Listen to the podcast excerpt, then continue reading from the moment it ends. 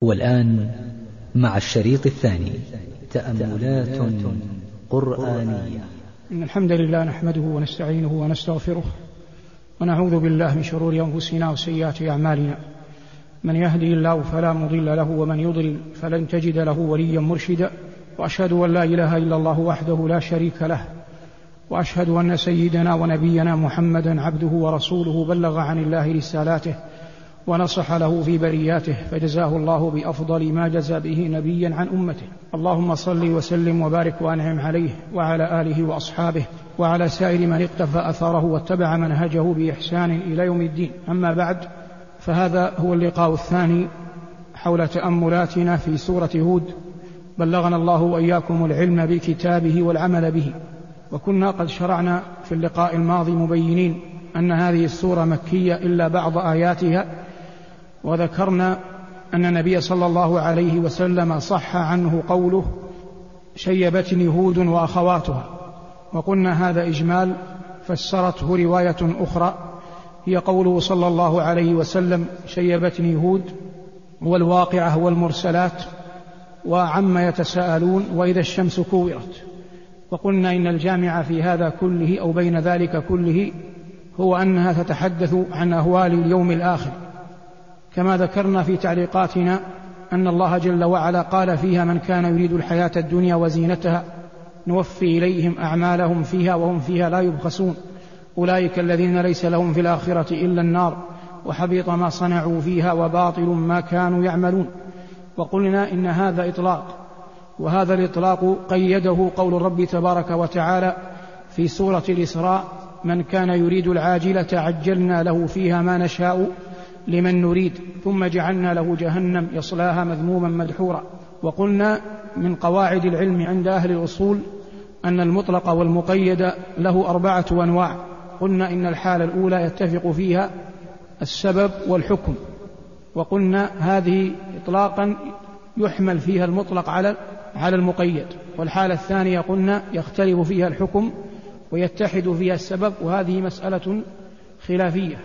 والأمر الثاني يتحد السبب ويختلف الحكم وهذه كذلك مسألة خلافية والرابعة منها أن يختلف في السبب ويختلف في الحكم وهذه اتفقوا على أن لا يحمل المطلق فيها على المقيد. هذا بعض ما ذكرناه في اللقاء الماضي. ثم تكلمنا عن قصة نوح عليه الصلاة والسلام. ونحن نحرص في كل لقاء على أن ننوع في الطرح حتى تكون الاستفادة العلمية أكبر لمن يحضر هذا اللقاء. ثم ذكر الله جل وعلا قصص أنبيائه ورسله والقصص المذكورة عرجنا عليها أكثر من مرة في عدة مناسبات سواء في دروس التفسير أو في غيرها. فلا حاجة لإعادتها ولكننا اليوم سنختار التعليق على كلمات أو آيات هي في الغالب مظان إشكال عند من يقرأ القرآن. هي في الغالب مظنة إشكال عند من يقرأ القرآن في بعض الآيات وبعض الآيات نعرج عليها على الفوائد التي فيها لكن يهمنا الشيء الذي يثير الإشكال عند من يسمعه فنزيل الإشكال قدر الإمكان. قال الله جل وعلا ولقد جاءت رسلنا إبراهيم بالبشرى قالوا سلاما قال سلام فما لبث أن جاء بعجل حنيف. ما المقصود بالرسل هنا؟ الملائكة. والملائكة أصلا كانت ذاهبة إلى قوم لوط للعذاب. فمرت على إبراهيم عليه السلام قبل أن تذهب إلى من؟ إلى لوط. ولوط ما قرابته من إبراهيم؟ ابن أخيه. فإبراهيم عم للوط نسبا وبمثابة الوالد حقيقة لأن الله قال له قال فآمن له لوط. فبعث الله لوطا نبيا في حياة من؟ في حياة إبراهيم. بعثه إلى قرية سدوم. وحصلت منهم الفاحشة كما سيأتي فجاءت الملائكة بالعذاب على أهل سدوم وهم مارون. في طريقهم إلى القرية لإهلاكها مروا على إبراهيم بأي شيء؟ بالبشارة. قال الله جل وعلا ولقد جاءت رسلنا إبراهيم بالبشرى. البشرى هنا المقصود بها إجماعا البشارة بمن؟ بالولد إسحاق. بمولود يقال له إسحاق. قال الله فبشرناها بإسحاق ومن وراء إسحاق يعقوب. وهذا ظاهر. لكن العلماء يقولون هنا في التعبير العلمي يقولون كون إبراهيم يولد له وهو في هذا السن وكون سارة تولد لها في هذا السن هذا يقال له معجزة نبي وكرامة ولي. أعيد. كون إبراهيم يولد له وهو في هذا السن وكون سارة يولد لها وهي في هذا السن مع كونها عاقر منذ أن خلقت هذا يقال له ماذا؟ معجزة نبي وكرامة ولي ما نظيره للأنبياء والرسل. زكريا. نظيره زكريا فإن زكريا رزق ولدا كما رزق إبراهيم على على كبر فهي بالنسبة لزكريا معجزة وبالنسبة لزوجته كرامة لأن المعجزة تلحق بالرسول والكرامة تلحق بمن؟ بالأولياء والكرامة تلحق بالأولياء. جاءت الرسل لإبراهيم بالبشرى. نقف هنا وقفة يسيرة أن كل ما في القرآن حكاه الله جل وعلا أو قصه عن إبراهيم نحن ملزمون شرعا به. كل ما حكاه الله أو قصه عن خليله إبراهيم أمة محمد صلى الله عليه وسلم ملزمة شرعا به. وهذه لا تكون هذه الحالة إلا مع إبراهيم اتفاق ما الدليل على هذا؟ ثم أوحينا إليك أن اتبع ملة إبراهيم وقوله جل وعلا ملة أبيكم إبراهيم والمعنى إلزموا ملة أبيكم إبراهيم ولذلك جاءت بالنصب. فهذا من الدلائل على أن هذه الأمة مطالبة شرعا بقضية كل ما فعله إبراهيم. ولذلك لما استغفر إبراهيم لأبيه جاء النهي مستثنى ألا تفعل ولا يكون الاستثناء إلا في الأصل الذي أن تفعل فيه. واضح؟ فمثلا عندما تأتي لشخص تسلمه بيت فتقول له إلا هذه الغرفة لا تدخلها. معنى الكلام أن كل البيت ماذا؟ مباح له واضح؟ فلذلك الله جل وعلا قال في قضية استغفار إبراهيم لأبيه قال وما كان استغفار إبراهيم لأبيه إلا عن موعدة وعدها إياه. هذه ليس لكم علاقة بها لا تتبعوا فيها. إذا دل هذا على أن كل ما صنعه إبراهيم نحن ملزمون شرعا به واضح؟ هذا الفائدة الأولى في القضية. الأمر الثاني يأتي عند قول الله جل وعلا عن سارة أنها كانت تقف تخدم مع إبراهيم. قال الله جل وعلا وامرأته قائمة فضحكت فبشرناها بإسحاق ومن وراء إسحاق يعقوب. موضع الإشكال كلمة كلمة ضحكت. فإن الكلمة ضحكت الضحك إذا أطلق يراد به انفراج الفم عن الأسنان الضحك المعروف الذي لا يختلف عليه اثنان. موضع الإشكال أن بعض العلماء كما نقل عن مجاهد وعكرمة وبعض السلف قالوا ضحكت هنا بمعنى حاضت وأن الحيض من دلائل أن المرأة إذا حاضت تكون عرضة لأن لأن تحمل. فقالوا إن المقصود بضحكت هنا حاضت. وهذا وإن قال به أئمة أجلاء لكن لا يوجد في اللغة فيما نعلم شيء يدل عليه. وحكيت بعض الأبيات ذكرها بعض العلماء في مواطنها في التفسير لكن أئمة اللغة كأبو عبيدة والفراء وغيرهما من أئمة اللغة في اللغة قديما قالوا إن لا نعرف في لغة العرب أن ضحكت تأتي بمعنى حاضت وإن نسب هذا أحيانا للشافعي. ونحن نقول الشافعي لأن الشافعي أصلا عاش في هذيل كثيرا وأخذ عنهم اللغة فيبقى قوله في اللغويات له مكانته العلمية. لأنه رحمه الله عاش في هذيل يأخذ عنهم اللغة لكننا نقول لا يوجد في اللغة أن تكون ضحكت بمعنى حاضت وقلنا دائما عندما يرد قول لابد أن تأتي أن تأتي ببديل وإلا يبقى الكلام عائم ليس له مفهوم. فنقول إن المعنى والله تعالى أعلم الذي اختاره كثير من المفسرين نقول أن سارة كانت واقفة بالخدمة مع زوجها. فلما علمت بهلاك قوم لوط سرت وفرحت فضحكت فأعطاها الله جل وعلا والأصل أن البشارة حاصلة حاصلة لكن جعلت ضحكها تمهيدا لها. فلما سر بنجاة المؤمنين نجاة لوط بشرها الله جل وعلا بإسحاق. قال الله تعالى فبشرناها بإسحاق ومن وراء إسحاق يعقوب. وتكلمنا عن موضوع إسماعيل وإسحاق هذا ليس مكانه. لكن نأتي لقضية أخرى وهي قضية حمل النساء. هنا قال الله فبشرناها بإسحاق. الحمل الذي تحمله المرأة إذا حملته في أول الأمر يصبح بشارة وفي آخر الأمر ينقلب إلى ماذا؟ ينقلب هم الحمل في أوله بشارة فإن الرجل إذا دخل على زوجته وأخبرته أنها حامل فلا شك أنه يستبشر الرجل أو المرأة ففي الشهور الأولى من الحمل في أي بيت تحدث بشارة في البيت ويتناقل أهل الدار والأقارب الفرحة أن زوجة فلان حملت. هذا أمر لا خلاف فيه بين الناس. واضح؟ ولذلك قال الله بشرناها بإسحاق. لكن الله قال حملت حملا خفيفا فمرت به أي الحمل. فلما أثقلت دعوا الله ربهما. آخر الحمل يبقى هم لأن النفاس مظنة مظنة الموت. النفاس مظنة الموت. ولذلك جعل النبي صلى الله عليه وسلم المرأة إذا ماتت في نفاسها تعد شهيدة.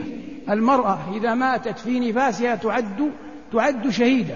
ولهذا قلنا إن أوله بشارة وآخره هم. وعند بعض العلماء كالمالكية مثلا أظنها رواية في المذهب أن المرأة إذا وصلت إلى الثلاثة الأشهر الأخيرة من حملها لا يجوز لها أن تتصرف في أكثر من ثلث المال. لا يجوز لها أن تتصرف في أكثر من ثلث المال لأن الإنسان إذا دخل في المرض المخوف ومرض الموت يقل سلطانه على ماذا؟ على ماله ويبقى السلطان لمن؟ للورثة يبقى السلطان للورثة فلا يجوز للمرأة في آخر حملها وهي مظنة ولادة أن تتصرف في أكثر من ثلث المال لأنها مظنة مرض مخوف حتى لا يتضرر الورثة من تصرفها. واضح؟ هذا من تعليق على قول الله تعالى بشرناها بإسحاق من وراء إسحاق يعقوب. ثم نأتي إلى قول الله جل وعلا وهذه القضية الثانية ولما جاءت رسلنا لوطا سيء بهم وضاق بهم ذرعا وقال هذا يوم عصيب وجاءه قومه يهرعون إليه ومن قبل كانوا يعملون السيئات. قال هؤلاء بناتي هن أطهر لكم فاتقوا الله ولا تخزوني في ضيفي أليس منكم رجل رشيد؟ القصة معروفة ولا حاجة للإعادة أن بإجمال نقول أن الملائكة دخلت في صورة شباب حسان جميلين جدا إلى أبعد درجة عمدا دخلوا على لوط بهذه الطريقة. فلما رآهم يعرف قومه قال الله سيء بهم والحر لا يسيء بضيوفه لكن خاف عليهم. سيء بهم وضاق بهم ذرعا وقال هذا يوم عصيب أي سيكون فيه من المشاق ما الله به عليم. وقد وقع قال الله وجاءه قومه يهرعون إليه يتسابقون. ومن قبل كانوا يعملون السيئات يعني أمر تعودوا عليه. ومن قبل كانوا يعملون السيئات هذا كله مفهوم لا إشكال فيه. قال هؤلاء بناتي هن أطهر لكم فاتقوا الله ولا تخزوني في ضيفي أليس منكم رجل رشيد؟ نقف عند قول الله على لسان نبيه لوط هؤلاء بناتي. هذا الإشكال الذي نحاول أن ندفعه قدر الإمكان في هذا اللقاء. قلنا لما دخل القوم لوط لأذية الشباب اللي هم الملائكة في الأصل ولوط أراد أن يدفع هؤلاء عن ضيفه. فذكر ثلاثة أمور. قال هؤلاء بناتي هن أطهر لكم فاتقوا الله ولا تخزوني في ضيفي أليس منكم رجل رشيد؟ هذه فاتقوا الله أليس منكم رجل رشيد؟ لا تحتاج إلى شرح. الذي يحتاج إلى شرح قول لوط هؤلاء بناتي. أهل كثير من المفسرين يقولون إنه قصد بقوله هؤلاء بناتي بنات القرية. بنات القرية وأنه أراد بالمعنى الحرفي أنه يتشفع لهؤلاء الرجال في أن يتزوجوا بنات القرية حتى يكون ذلك دفعا لهم عن الفاحشة. وقالوا إن النبي أي نبي يعني يعتبر كالأب لمن؟ لأمته. هذا حجة من قال أن معنى هذا القول معنى هذه الآية هذا الكلام أن هؤلاء بناتي عائدة على من؟ على بنات القرية. وأن كلمة بناتي مردها إلى أن النبي يعتبر كالأب لأمته. هذا القول. قول آخر قالوا إن هؤلاء بناتي أراد بناته الذين عنده بناته لصلبه. وهن أطهر لكم أراد أن يزوجهم بناته. واضح المسألة؟ ونحن نقول والله أعلم. كلا هذين الرأيين صعب أن يقال به لأن القرآن نزل باللغة على ما يوافق العقل والكلام هذا لا يوافق اللغة ولا يوافق العقل. وسنقول الرأي الراجح إن شاء الله تعالى. أما لماذا لا يوافق اللغة؟ فإن كلمة هؤلاء في اللغة تكون على الحاضر الشاهد للإشارة على الشيء الحاضر ولا تكون على الشيء الغائب. كلمة هؤلاء لا تطلق على شخص غير موجود تطلق على شخص حاضر. فانتفى بذلك القول أنه قصد من؟ بنات القرية. هذا الأمر الأول. وندفع كذلك بأنه لم أن النبي يعتبر كالأب للبنات المؤمنات لكن لا يعتبر كالأب للبنات الكافرات. والقرية كلها كلها كافرة إلا من كان في بيت لوط. الله قال فما وجدنا فيها غير بيت من المسلمين. هو بيت من؟ هو بيت لوط فلا يوجد في القرية أصلا أحد مؤمن حتى نقول إن لوط أبا له. واضح؟ القول الثالث وهو الذي نختاره والله أعلم وقد نسبه العلامة الألوسي رحمه الله في روح المعاني إلى غير أحد. قال قال به أجلاء المفسرين. ونص عليه العلامة بن سعد رحمه الله في كتابه قصص الأنبياء. أي أن هذا القول قول من نسبه الألوسي إلى أجلاء المفسرين لم يذكر أسماء. ونسبه ونص عليه العلامة بن سعد رحمه الله في كتابه قصص الأنبياء. وهذا القول يقول إنه قصد بناته عينا وقصد أن يأذن لهم بالزواج أو بدون زواج أن يأتوا بناته. فيقول عاقل كيف يعقل أن نبي يعرض بناته لمن؟ لأهل فواحش. هذا من باب إقامة العذر وإقامة الحجة على المعاند ومن باب علمه اليقيني أن هذا لن يكون. من باب العلم اليقيني أن هذا لا لا يكون. ونظيره لأن من أعظم الشواهد أن تأتي بالنظير. أعظم القرائن على صحة قول تأتي له بمثيل نظيره أن سليمان عليه السلام كما ثبت في الحديث الصحيح اختصمت عنده امرأتان في ابن لهما. كل تدعي أنها أمه. فقال عليه السلام ائتوني بالسيف. ثم قال أنا أقطعه قطعتين وأعطي كل واحدة وصف. فقالت أمه الحقيقية لا تفعل اعطه فلانا. تطلب نجاة من؟ نجاة ابنها. الشاهد من القصة أنه لا يعقل. حتى لو وافقت المرأتان أن سليمان سيقطع من؟ سيقطع الطفل مستحيل. لكن هذا من باب العلم أنه لن يقع.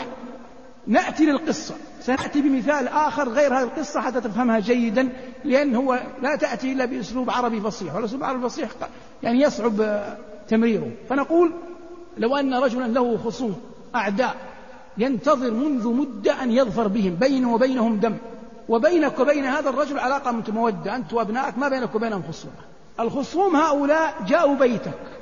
فعلم هذا العدو لهم أنهم في بيتك فجاءوك فلما دخلوا عليك البيت وأنت عندك هؤلاء الأضياف الذي يريدهم هذا الخصم ومعه مثلا سلاحه وأراد أن يقتلهم فأخذت تذكره بالله وأنهم ضيفك وأن وكل ذلك لم يرتدع فقلت له إذ كان ولا بد اقتلني وأبنائي بدلا منه. من الناحية الشرعية لا يجوز أن يدعو الإنسان الناس إلى ماذا؟ إلى قتله ولا قتل أبنائه لا يجوز. لكن هو ما قال هذا من باب يجوز أو لا يجوز؟ من باب أن يبين لهذا الخصم أنه أحرجه أمام من؟ أمام ضيوفه. وهو يعلم يقينا أن هذا العدو لن يقتله. لماذا لن يقتله؟ لأنه لن يستفيد شيء. لو قتل الرجل وأبناءه لن يستفيد شيئا. هو يريد خصومه. مثلها تماما. لوط يعلم يقينا أنه لو عرض بناته حتى بالزنا على هؤلاء لن يقبلوا. لماذا؟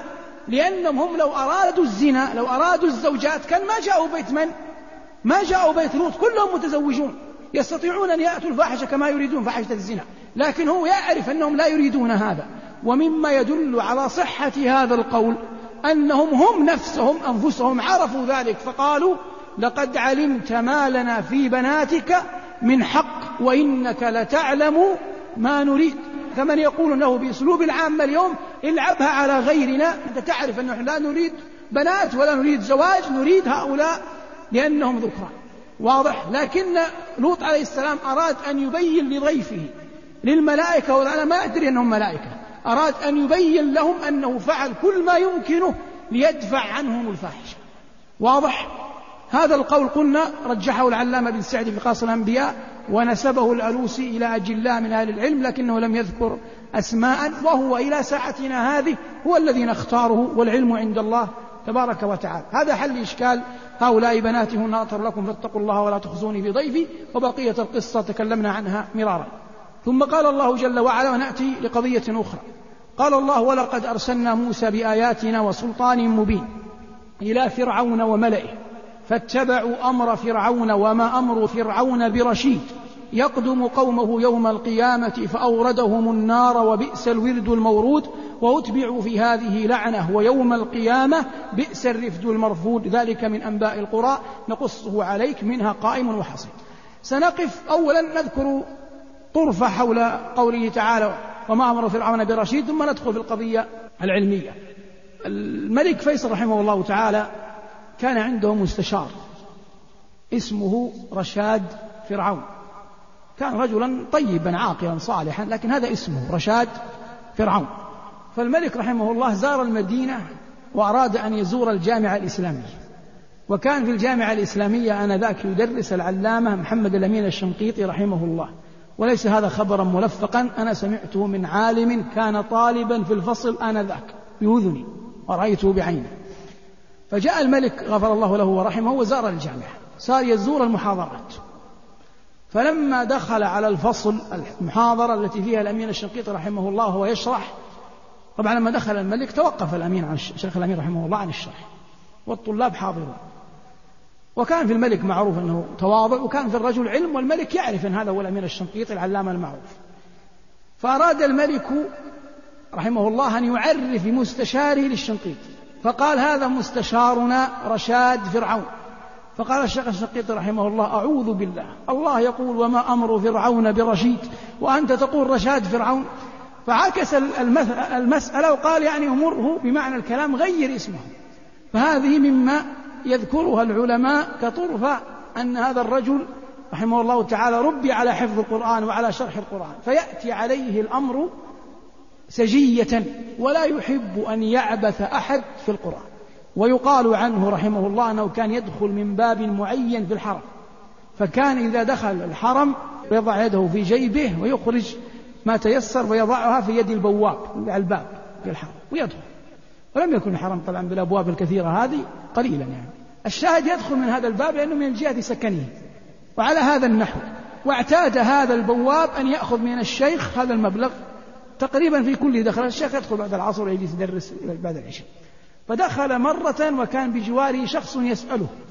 فالشيخ انشغل عن إعطاء المال للبواب. فالبواب غفر الله له. والله إذا أراد منع شيء هيا أسبابه. قال للشيخ أدخل يدك في جيبك الآية التي آية موسى. فامتعض الشيخ لأن أخذها على باب السخرية وصار حتى لا يعطي هذا الرجل لا عاد ما عاد أصبح يدخل من ذلك من ذلك الباب. فهذا حرم نفسه لأنه لم يعرف بإذن الله طبعا كله بأمر الله بشخصية الشيخ العلمية وهذا يعني يرزقه رجل عاش حياته كلها للقرآن وأنا قلت مرارا أنه كان لا يدرس إلا يعني كان يدرس التفسير رغم أنه يجيد أكثر العلوم. فقيل له ذلك فقال كل العلوم مردها إلى إلى القرآن وهذا أحد أسباب أننا نشرح كتاب الله. هذا حول قوله تعالى وما أمر فرعون برشيد نأتي للقضية التي أردناها. قال الله عن فرعون يقدم قومه يوم القيامة فأوردهم النار وبئس الورد المورود وأتبعوا في هذه لعنة ويوم القيامة بئس الرفد المرفوض. اللعنة أعاذنا الله وإياكم الطرد والإبعاد من رحمة الله. سنتكلم علميا وفقهيا وأصوليا حول كلمة اللعنة وما أمرها في الكتاب والسنة لاشتهارها بين الناس اليوم. اللعنة قلنا هي الطرد والإبعاد من رحمة الله. ويمكن أن نقول أن أحكامها ينقسم إلى ما يلي لمن أراد أن يكتب. الحالة الأولى لعن المسلم المصون. مسلم عادي فهذا باتفاق العلماء لا يجوز لعن لعن المسلم المصون مسلم عادي فهذا باتفاق العلماء لا يجوز لعنه باتفاق العلماء لا يجوز لأحد أن يلعنه. الحالة الأولى ماذا؟ لعن المسلم المصوم الحالة الثانية لعن الأوصاف العامة. لعن الأوصاف العامة. وهذا جائز بالاتفاق. مثل أن تقول ألا لعنة الله على الظالمين ألا لعنة الله على الكافرين ألا لعنة الله على الكاذبين. هذا يسمى لعن ذوي الأوصاف العامة وهو جائز بالاتفاق. الحالة الثالثة لعن ذوي الأوصاف الخاصة. لعن الأوصاف مو ذوي لعن الأوصاف الخاصة. تقول لعن الله آكلي الربا. لعن الله السراق لعن الله من يلعن والديه فهذا جائز جاءت به السنة. تلعن الشخص ولا الوصف؟ الوصف. هذه كم حالة؟ ثلاثة. الحالة الرابعة لعن الكافر الذي ثبت أنه مات على الكفر. الكافر الذي ثبت أنه مات على الكفر. فهذا جائز كلعن أبي جهل ولعن فرعون. هذا كله جائز. لعن الكافر الذي مات على الكفر. الحالة التي بعدها لعن الكافر الذي لم يتحقق موته على الكفر. لعن الكافر الذي لم يتحقق موته على الكفر. فهذا ينظر فيه. فإن كان غالب الظن أنه مات على الكفر فيلعن وتركه أولى. وإن كان غالب الظن أن لا ندري مات على الكفر أو مات على الإيمان فإننا نتوقف في ماذا؟ في لعنه واضح؟ ترى هذا لماذا مهم؟ لأن تطبقه في حياتك العملية واضح؟ فالكافر الذي لا يوجد دليل على أنه أسلم ولا يوجد قرينة على إسلامه يلعن إذا مات على الكفر لكن من كان هناك قرائن أو شبهات حول أنه أسلم لم يسلم توقف الناس فيه فالأصل أن لا يلعن أو يتوقف عن لعنه احتياطا الحالة الخامسة أو السادسة لعن الكافر المعين الحي لعن الكافر المعين الحي مثل لعن شارون. يجوز أو لا يجوز؟ وإن كان شارون هذا الدين. وأنا لعنته مرة في محاضرة لكن كلام العلم غير الكلام العاطفي الله جل وعلا يقول إن الذين كفروا وماتوا وهم كفار. أولئك عليهم لعنة الله والملائكة والناس أجمعين. فجاء الله بقيد هنا هو ماذا؟ وماتوا وهم كفار. فمن لعن كافرا معينا أبطل القيد ماذا؟ القرآني أبطل القيد القرآني وهذا قول جماهير العلماء. ونقل عن أبي بكر بن العربي المفسر المعروف كتابه أحكام القرآن. نقل القول بأنه يجوز لعن الكافر المعين. على اللي بيلعن شهرون على ذمة أبو بكر بن العربي يلعنه. يقول يجوز لعن الكافر المعين لكن الأدلة التي قالها غير صحيحة. أتى بحديث النبي صلى الله عليه وسلم لعن عمرو بن العاص أيام كفره لكن الحديث ضعيف جدا ولم يقل أحد بصحته. ولذلك هو أصلا وقع في المسألة قال وروي منكم يعرف مصطلح الحديث أنه كلمة روي يؤتى بها صيغة ماذا؟ صيغة تمريض. يؤتى بها لضعف الحديث هو أراد أن يفر منها لكن لا يوجد دليل والقرآن حكم. والله قال إن الذين كفروا وماتوا وهم كفار أولئك عليهم لعنة الله والملائكة والناس أجمعين. وقلنا إنه في أمور لا يقتدى بالأنبياء فيها. إذا كان النبي يعرف عن طريق معين لا تعرفه أنت. واضح؟ فنقول إن لعن الكافر المعين قول أهل الأكثر وأهل العلم على أنه لا يجوز لعنه إلا إذا مات على الكفر لأن الله يقول إن الذين كفروا وماتوا وهم كفار أولئك عليهم لعنة الله والملائكة والناس أجمعين. ما دام قلنا إنه لا يجوز لعن الكافر المعين فمن باب أولى أن لا يجوز المسلم ماذا؟ العاصي المعين. لا يجوز لعن المسلم العاصي المعين. هذه ناحية. الناحية الأمر الثالث والجهة الثانية من الكلام حول اللعنة أن المؤمن ينبغي عليه أن يفر من اللعن قدر الإمكان. فلا يعود نفسه على اللعن. فإن النبي صلى الله عليه وسلم قال كما في حديث أبي الدرداء وهو صحيح إن العبد إذا لعن تصعد اللعنة إلى السماء. تسد أمامها أبواب السماء. ثم تعاد إلى الأرض فلا تجد لها مساغا فتلتفت يمينا وشمالا كما قال صلى الله عليه وسلم. ثم تذهب إلى من لعن. فإن كان أهلا وإلا رجعت للذي لعن. إذا لعن أي شيء. ويؤيده كذلك ما في سنن أبي داود حديث صحيح. أن عبد الله بن مسعود الصحابي المعروف كان صديقا لرجل يقال له أبو عمير فذهب عبد الله بن مسعود لزيارة أبي عمير فلم يجده فأدخلته. أم عمير زوجة أبي عمير أدخلت عبد الله بن مسعود الدار فدخل زي ما يقولون الناس اليوم في المجلس. فبينما هو ينتظر صاحبه ينتظر أخاه صاحبه ينتظر أخاه سمع امرأة أبي عمير تقول بعد أن بعثت جارية لعنها الله أبطأت عليه. ماذا فعل ابن مسعود؟ خرج من البيت وجلس خارج الباب ناحية عن البيت. فجاء أبو عمير حديث صحيح في سنة أبي داود. فجاء أبو عمير فوجد ابن مسعود خارج الدار. فقال ما منعك أن تدخل بيت أخيك؟ قال قد دخلت ولكني سمعت امرأتك تلعن جارية لها أبطأت عليها وإني سمعت رسول الله صلى الله عليه وسلم يقول إن اللعنة إذا خرجت من في يعني فم من في قائلها تذهب إلى من لعن فإن كان لذلك أهلا وإلا رجعت إلى من لعن. فقال ابن مسعود فكرهت أن أكون بسبيل اللعنة. ما معنى السبيل طريق. فكرهت أن أكون بسبيل اللعنة. ما حبت أجلس في البيت حتى لا تمر اللعنة ولا يعرف ما ليس له فيها ناقة ولا جمل. لكن قال كرهت أن أكون في طريق اللعنة فخرجت من البيت.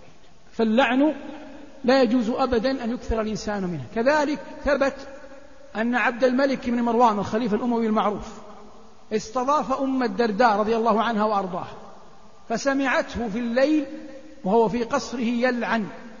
فلما أصبحت قالت له إنني سمعتك تلعن بعض خدمك وإني سمعت النبي صلى الله عليه وسلم يقول لا يكون اللعانون يوم القيامة شهداء ولا شفعاء.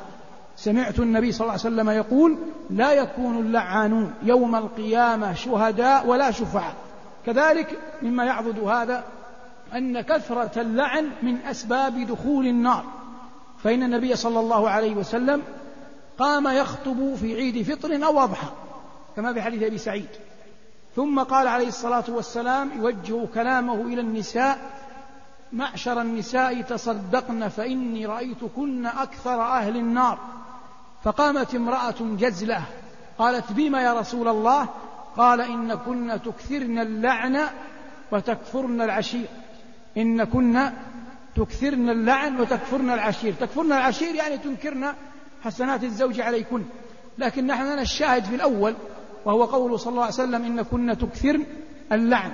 فجعل النبي صلى الله عليه وسلم الإكثار من اللعن سبب من أسباب دخول من أسباب دخول النار. العاقل ينبغي عليه ألا يلعن شيئا لا دابة ولا غيرها ويكثر من البعض عفى الله عنا وعنهم لعن أبنائه.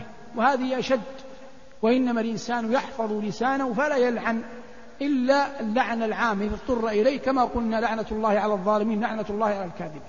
كذلك من قواعد العلم أن الإنسان لا يأتي مثلا لشخص يعمل في بنك ربوي فيحكم على هذا الرجل بأنه أنه ملعون.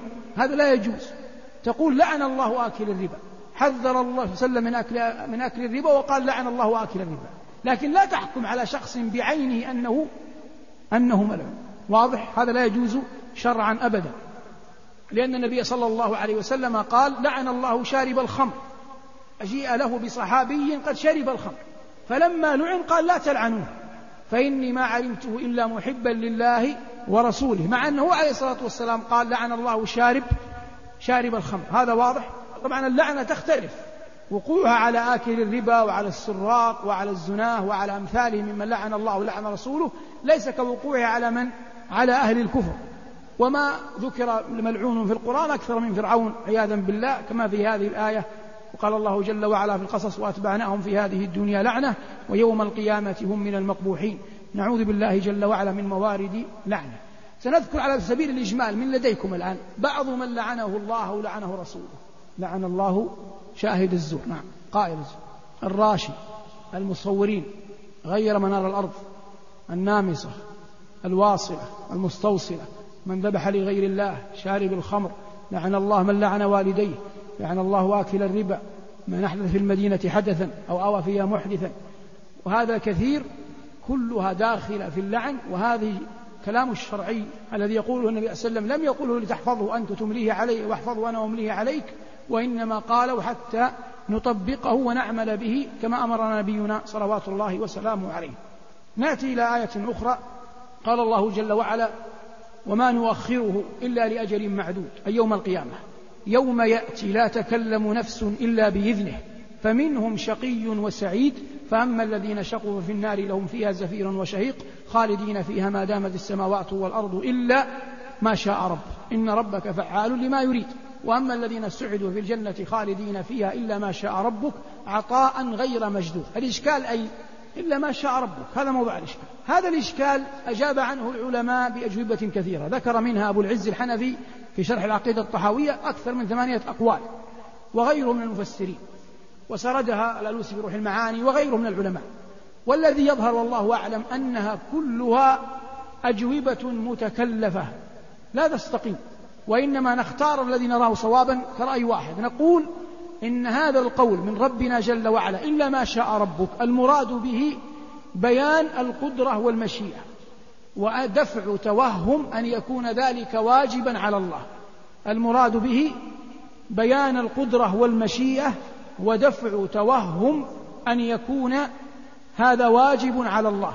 أما ما ذكره العلماء كقولهم إلا ما شاء ربك يعني مدة بقائهم في أرض المحشر أو مدة بقائهم من العصاة أو مدة بقائهم في الحساب وأمثال ذلك فهذا كله صعب القول به. حتى من نقله قال هذا أمر لا يستقيم وإنما نقول إلا ما شاء ربك بيان أن المسألة مطلقة لمن؟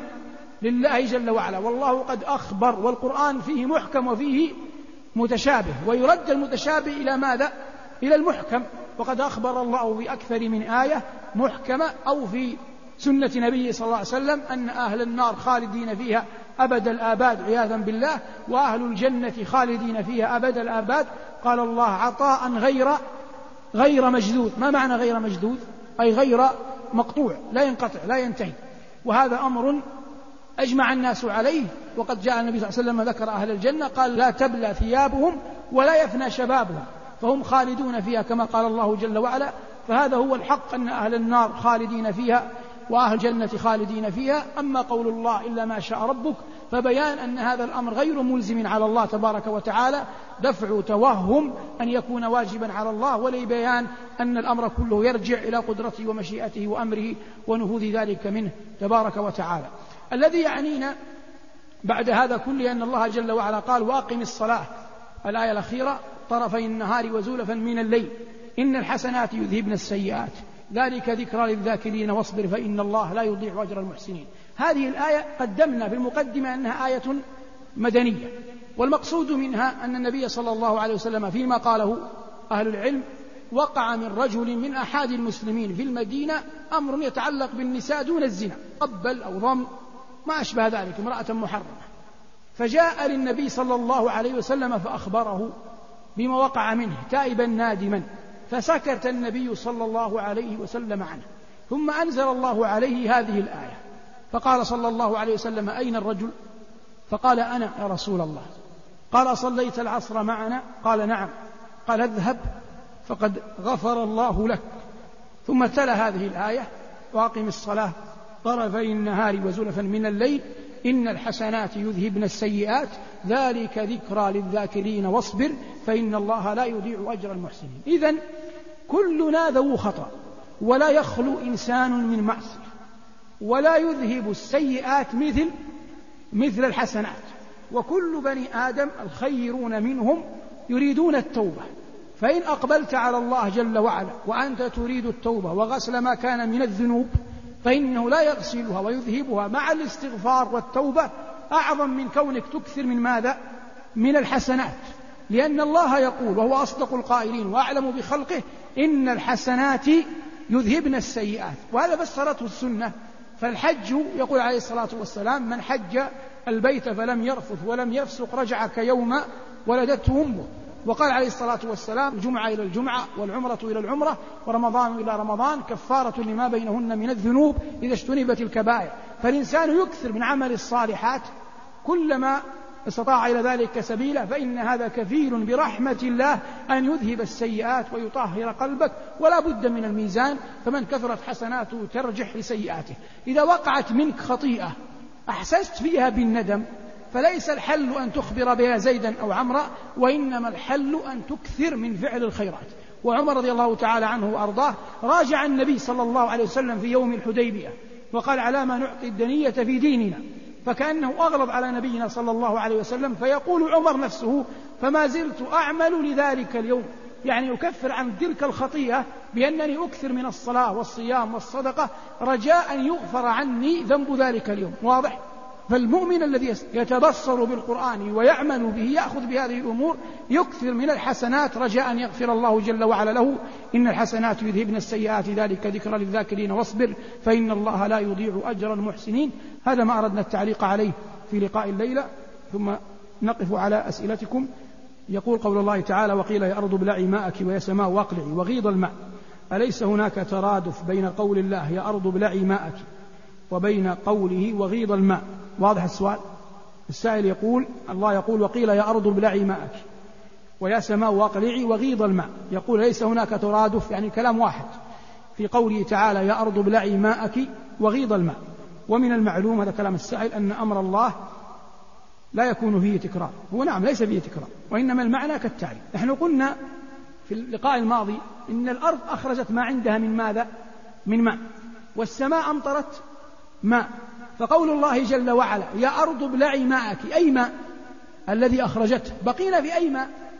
في ماء السماء هذا الذي قال الله عنه وماذا وغيض الماء. واضح؟ ما بلعته الأرض الماء الذي خرج منها.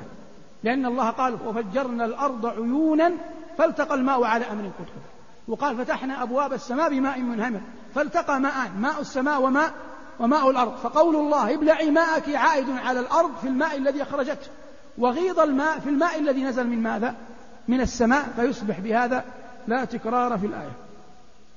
هل يجوز للزوجة أن تستضيف؟ هذا أخذها من الحديث. صديق زوجها في غيابه حتى يحضر وخاصة في زماننا هذا هذا مرده إلى أمور كثيرة. فإن كان في البيت أطفال وخدم كبيوت العرب قديما فهذا لا حرج. أما إن لم تكن إلا الزوجة لوحدها فلا قطعا لأنه حيحدث نوع من من الخلوة وهذا لا يعقل خاصة في الشقق أو في الفلل البعيدة هذا كله لا يجوز لأن هذا مظن شبهة ومظن تهمة ولا يفعله عاقل لأنه يدفع يعني يفتح باب شر عظيم حتى لو لم يحصل شيء ويأتي الزوج يدخل في قلبه ما الله به عليم. لكن كلام العرب أول كانت يعني خيام أو بيوت فيها خدم وغلمان وعبيد وجواري وإماء يدخلن ويخرجن فالأمر منتفي إذا كان الأمر كذلك فنعم. كمثلا الإنسان يدخل على رجل من أهل الثراء عنده خدم وحشم ترد عليه زوجة صاحبه بالهاتف وبالإنترفون تقول له تفضل فيدخل المجلس وهي في الدور العلوي ويأتي أبناؤه ويأتي خادمة تخرج وطفل يذهب وسائق يأتي ويذهب هذا كله لا حرج فيه. فتقدر الحالة بقدرها والله أعلم. يتكلم عن أحد المشايخ يقول بعض العلماء يحذر منه ما إلى ذلك. أنا لا هذا بيت الله. نتكلم فيه بما ينفع الناس. وذكر آه، الشيخ عايض القرني. الشيخ عايض القرني لا نعلم عنه إلا خيرا. وكونه يخطئ ويصيب كل الناس يخطئون ويصيب ولا يخلو أحد من خطأ لكن الشيخ من أهل السنة معروف بفضله ولا نعلم عليه. والله تعالى أعلم. أمر يقدح في دينه أو في علمه أو في عقيدته. وأما كونه يخطئ فكلنا يخطئ ويصيب. لا يوجد أحد لا يخطئ ولا يصيب. وأنت عندما تسمع لصالح أو لزيد أو لعمر لا يعني ذلك أن أنت ملزم بما يقول. خذ من كل إنسان ما ينفعك منه ودع الباقي لغيرك يقول أنا شاب من الله علي بالاستقامة على هديه وشرعه وظاهر وظاهر ظاهر الصالحين ولكن لدي ذنب أعاوده بين فترة وأخرى وأخشى أن يهلكني. فيا شيخ أصبحت أفكر بالانتكاس لكي لا أكون منافقا أخدع الناس. بظاهري وباطني مخالف للظاهر. أنا بين أظهركم الآن فرجاء شيخ لا تردي سؤالي بعد الدرس لعل غيري يستفيد سواء كانت مشكلته مثلي أو لا. وأنت لم تذكر المشكلة حتى نقارنها بغيرك لكن إن كان ليس عليك حرج ممكن أن تقابلني لوحدك إذا استطعت. يقول ما سبب أو لماذا آية سورة هود كلها مكية إلا واحدة مدنية وجزاكم الله خيرا.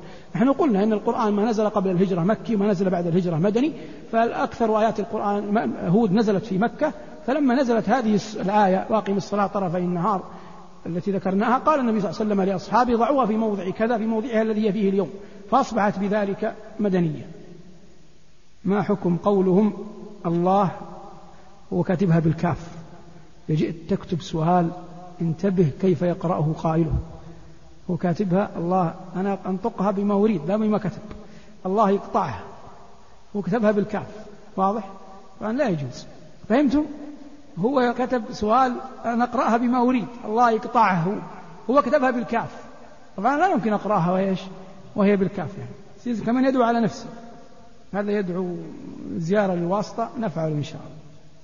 هذا يقول وجه الشباب بقفل الجوالات. أظنهم يفعلون ذلك لكن أحيانا ينسون. يقول الأعراب أشد كفرا ونفاقا من هم الأعراب؟ طبعا هنا الآية يقصد بها من كان حول النبي صلى الله عليه وسلم من أهل المدينة.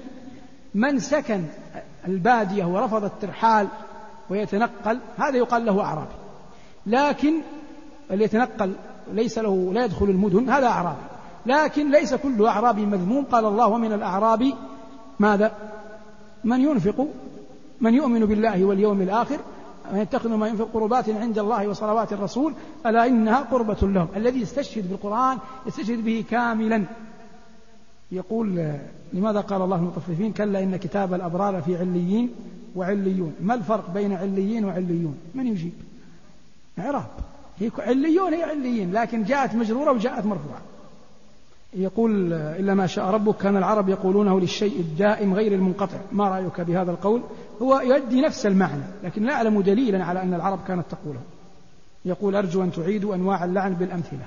قلنا لعن المسلم المصون لا يجوز اتفاقا. واللعن الأوصاف العامة لعنة الله على الكاذبين لعنة الله على الكافرين هذه اثنين. ثم قلنا الأوصاف الخاصة لعن الله آكل الربا لعن الله السراق لعن الله شارب الخمر هذه ثلاثة. ثم قلنا لعن الكافر الذي مات على الكفر تحقق موته على الكفر هذا جائز. ثم قلنا لعن الكافر الذي يشك في كفره هل مات على الكفر أو مات على الإسلام؟ الأفضل التوقف إلا إن كانت هناك قرينة على أنه مات على الكفر فيلعن. وإن كان اختلف فيه هل مات على الإسلام أو غيره؟ فالأحوط عدم لعنه. ثم قلنا لعن الكافر المعين الحي فقلنا إنه لا يجوز لعن الكافر المعين الحي لأن الله جل وعلا قال إن الذين كفروا وماتوا وهم كفار فماتوا وهم كفار قيد لا يمكن تركه ثم قلنا لعن المؤمن العاصي لا يجوز من باب أولى المعين إذا كنا قد لم نجز لعن الكافر المعين. هذا يقول أرجو أن ترد على السؤال الذي صاحبه يقول أفكر أن أنتكس ربما يعني لا يستطيع أن يقابلك. أي أنا أقول لا يخلو أحد من معصية كائنا من كان. وهذه من طرائق دخول الشيطان على بني آدم أنه يقول أنه هذه المعصية ما تستطيع تتركها لا يوجد شيء لا يمكن تركه.